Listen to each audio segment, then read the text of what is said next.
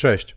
Dzisiaj taki odcinek specjalny, bo nagrany jest z okazji mojego wystąpienia na konferencji Project Management organizowanej przez koło naukowe Strateg z Uniwersytetu Gdańskiego i tam dostałem taki temat, właściwie składający się z dwóch na pozór bardzo odrębnych zagadnień, to znaczy budowanie relacji biznesowej i rola komunikacji w projekcie. I tak sobie usłyszałem o tym i zastanawiałem się, kurde, przecież to są pozornie dwie bardzo różne rzeczy. No i tak sobie przez jakiś czas myślałem o tym, jak te rzeczy są właściwie połączone. No i doszedłem do wniosku, właściwie zadałem sobie pytanie, jak budujemy relacje w biznesie. Poznajemy się, opowiadamy sobie o tym, kim jesteśmy, dajemy mniejsze lub większe obietnice, zarówno klient, jak i, jak i my jako firma, zachęcamy do siebie i do, do wzajemnej współpracy ze sobą. A zwieńczeniem tego procesu jest dostarczenie klientowi rozwiązania, a dokładniej to rozwiązania jakiegoś problemu, jaki klient ma, zaspokojenia jego potrzeby. Potrzeby, rozrywki na przykład, problemu przetransportowania czegoś, albo chociażby braku umiejętności graficznych. Klient nie musi umieć sam czegoś zrobić, więc kupuje od nas usługę przygotowania grafiki. W dużym uproszczeniu możemy sobie te produkty, które dostarczamy, podzielić na dwa rodzaje. Są to towary, które mają swoje niezmienne cechy lub zmiana tych cech wymaga przebudowania całego procesu i rozwiązują problemy w sposób ustandaryzowany jakimś grupom klientów, którzy mają takie same problemy. Tak, jak kupujemy komputer, to on jest zrobiony w odpowiedni sposób dla statystycznego użytkownika tak, że on ma odpowiednią wielkość, klawisze są odpowiedniej wielkości, ekran ma jakąś wielkość, tak żeby jak największa liczba ludzi była w stanie z niego odpowiednio korzystać. Tak samo, tak samo telefony są robione. No, ta wielkość i to wszystko, co tam jest zrobione, tak jak ma wyglądać, to jest przygotowane według statystyki, żebyśmy trzymając na przykład smartfona, byli w stanie go obsługiwać jednym palcem, wybierać numer te produkty są tak naprawdę raz przygotowane i bez zmian sprzedawania do klientów. Badanie preferencji tego, jaki to ma być y, rozmiar różnych elementów i tak dalej, jest robiony raz i, i później to idzie na sprzedaż. Jedyne co, to co jakiś czas firmy robią badanie albo zbierają informacje z rynku i, i robią lifting. Tak jak robi się co jakiś czas lifting samochodów, żeby podtrzymać cykl życia tego produktu, jakim jest samochód, no po prostu wprowadzić zmiany, o których mówili klienci. Te towary to jest jeden rodzaj produktu, jaki sprzedajemy.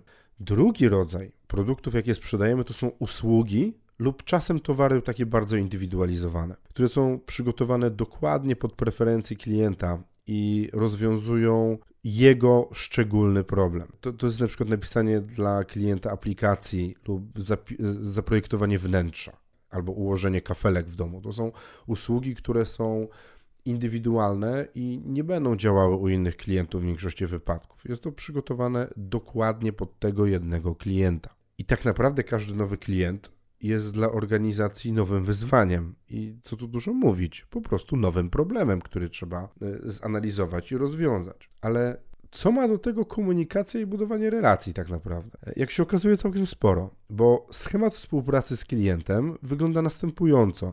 to jest oczywiście bardzo zgeneralizowane to, co powiem, ale co do zasady tak to wygląda. Mamy klienta, mamy sprzedaż i mamy produkcję. Jest to uproszczone, są jeszcze ważne elementy pomiędzy tymi składnikami: transport, administracja, badania, sprzątanie WC i wiele innych, ale generalnie współpraca z klientem dzieli się na te trzy elementy. I zobaczmy, jak one wyglądają. Pierwszym elementem jest klient, który ma swoje potrzeby, indywidualne problemy, o których musimy wiedzieć, aby mu odpowiednio pomóc. A żeby to zrobić, on sam musi mieć konkretnie określone, co jest do zrobienia i co równie ważne, musi nam o tym opowiedzieć. Drugim elementem jest sprzedaż, rozumiana jako całość działań służących do pozyskania klienta i doprowadzenia do transakcji. To ten obszar romansuje z klientem, żeby doprowadzić do stałego związku i dostarczenia produktu albo zakupienia tego produktu. Ale zadaniem tego obszaru jest też pomoc klientowi w określeniu jego potrzeby, skonkretyzowaniu problemu i wyartykułowaniu przez tego klienta, co nie zawsze jest takie łatwe, jego potrzeb w taki sposób, abyśmy dokładnie wiedzieli, co mamy zrobić i jak mu pomóc. A żeby to zrobić, to trzeba mieć od, też odpowiedni rodzaj relacji z tym klientem, bo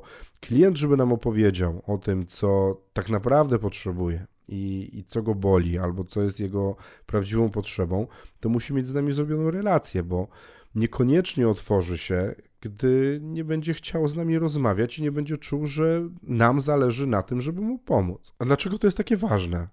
E, żeby to było tak konkretne. Bo trzecim elementem jest produkcja. I może to zabrzmieć mało humanistycznie, ale to są na przykład programiści piszący dla klienta aplikacje e, albo projektanci, w cudzysłowie rysujący budynek. Pracują tu zazwyczaj eksperci, a eksperci są ekspertami, bo wiedzą wiele o dziedzinie, w której się obracają. Niestety mm, zdarza się, że wydaje mi się, że najlepiej też wiedzą, czego klient chce, pragnie i potrzebuje. I teraz się zaczyna problem, bo najłatwiej by było, gdyby po dokonaniu tego procesu sprzedaży, po umówieniu się już z klientem, drogi kliencie, my dostarczamy dla Ciebie to i to w takiej i takiej cenie i policzyliśmy sobie, ile nam to zajmie na przykład godzin albo ile ten produkt będzie dla Ciebie kosztował, e, żeby dział produkcji skomunikował się z klientem, dopytał o szczegóły, a w trakcie produkcji i, w ogóle w, pokonywaniu pewnych etapów do robienia czegoś dla klienta, dopytywał o niektóre elementy to dowiadywał się, czy to klient chciał, żeby tak wyglądało, czy właśnie o to chodziło, że chciałby mieć. Nie można tu oczywiście też przesadzić, bo zaraz będziemy zamiast produkowali zajmowali się kontaktem z klientem, ale można sobie takie punkty milowe ustalić, żeby, żeby wiedzieć, czy na przykład teraz nie dopytać o klienta, czy to, co robimy, to jest dokładnie takie, jakbyśmy chcieli, jak klient by chciał, żebyśmy mu dostarczyli. No i warto, żeby ta produkcja co jakiś czas porozmawiała sobie z klientem.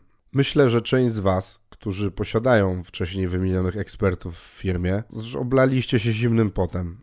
I część z Was też spyta, dlaczego. Ja, ja wiem dlaczego, bo sam pracowałem z różnego rodzaju ekspertami e, i miałem też takich w swoich e, firmach. Niestety większość ekspertów nie jest mistrzami komunikacji i niestety mogą wygenerować więcej szkód niż pożytku przy procesie, który ma co do zasady pomóc klientowi, a, a jednak może być inaczej. Poza tym Niestety jest też tak, że często jest opór ze strony ekspertów, żeby się w ogóle komunikować z klientem i coś w tym względzie zmienić. Część ekspertów w ogóle uważa, że nie musi rozmawiać z klientami. I przez to jesteśmy skazani na swoisty łańcuch komunikacyjny, który składa się z bardzo wielu elementów. Klient opowiada sprzedaży o tym, co by chciał, później sprzedaż opowiada project managerami, managerowi, który y, układa to w jakiś proces tworzenia i później on tłumaczy produkcji, jaka by ona nie była, co oni mają zrobić. I przez to skazani jesteśmy na swoisty łańcuch komunikacyjny, który składa się niestety z wielu elementów. Klient opowiada sprzedaży, co by chciał. Później sprzedaż opowiada project managerowi produkcji o tym, co im się wydaje, że klient potrzebuje. A później PM przekazuje te informacje osobom, które mają to wykonać. Pytania zwrotne do klienta mają niestety taką samą długą drogę. Sprawia to, że przez tak wielu pośredników informacja może ulec przekłamaniu i będziemy produkować nie do końca coś, co jest klientowi potrzebne. Niestety sprawia to, że przez tak wielu pośredników informacja może ulec przekłamaniu i będziemy produkować coś, co w takim kształcie nie do końca jest potrzebne klientowi, a brak kontaktu z nim i przedstawienia mu postępów prac może doprowadzić, że finalny efekt będzie różny od tego, jak klient sobie imaginował, że jego produkt będzie wyglądał, który dostanie. Będziemy wtedy musieli albo zacząć pracę od nowa, albo wrócić do jakiegoś bardzo wczesnego etapu produkcji pracy nad tym, co chcemy mu dostarczyć. Oczywiście wydłuża to czas dostarczenia klientowi gotowego rozwiązania i zwiększa koszty, bo przecież za naprawy w większości wypadków będziemy musieli zapłacić my, bo trudno będzie udowodnić klientowi, że to on nam źle wytłumaczył. I ja mam wrażenie, że postępująca automatyzacja wszystkiego, co nas otacza, a w szczególności branż takich jak księgowość, programowanie i innych miejsc, gdzie pewne procesy produkcyjne można zastąpić implementacją algorytmów albo tą taką coraz częściej e, wychwalaną sztuczną inteligencją, gdzie pewne rzeczy będą się robiły same. Będzie potrzeba mniej ludzi i będą oni zastępowani przez takich, którzy komunikować się potrafią, bo najważniejszą rzeczą, gdy maszyny będą, powiedzmy, robiły za nas dużą część pracy, to będzie umiejętność przez tego eksperta zrobienia rzeczy, które klient naprawdę potrzebuje i wydobycia od tego klienta informacji, jak finalny produkt ma naprawdę wyglądać, jakie spełniać oczekiwania i jakie rozwiązywać problemy. A żeby to zrobić, to taki ekspert, który fantastycznie zna się na tym, co robi, umie programować, umie liczyć albo umie analizować w jakiś sposób dane, musi umieć się komunikować i dowiedzieć od klienta, zadać odpowiednie pytania i wykazać się też empatią, żeby ten klient chciał mu o tym powiedzieć, co naprawdę potrzebuje. Bo dobra relacja jest wtedy, kiedy mamy zadowolonego klienta,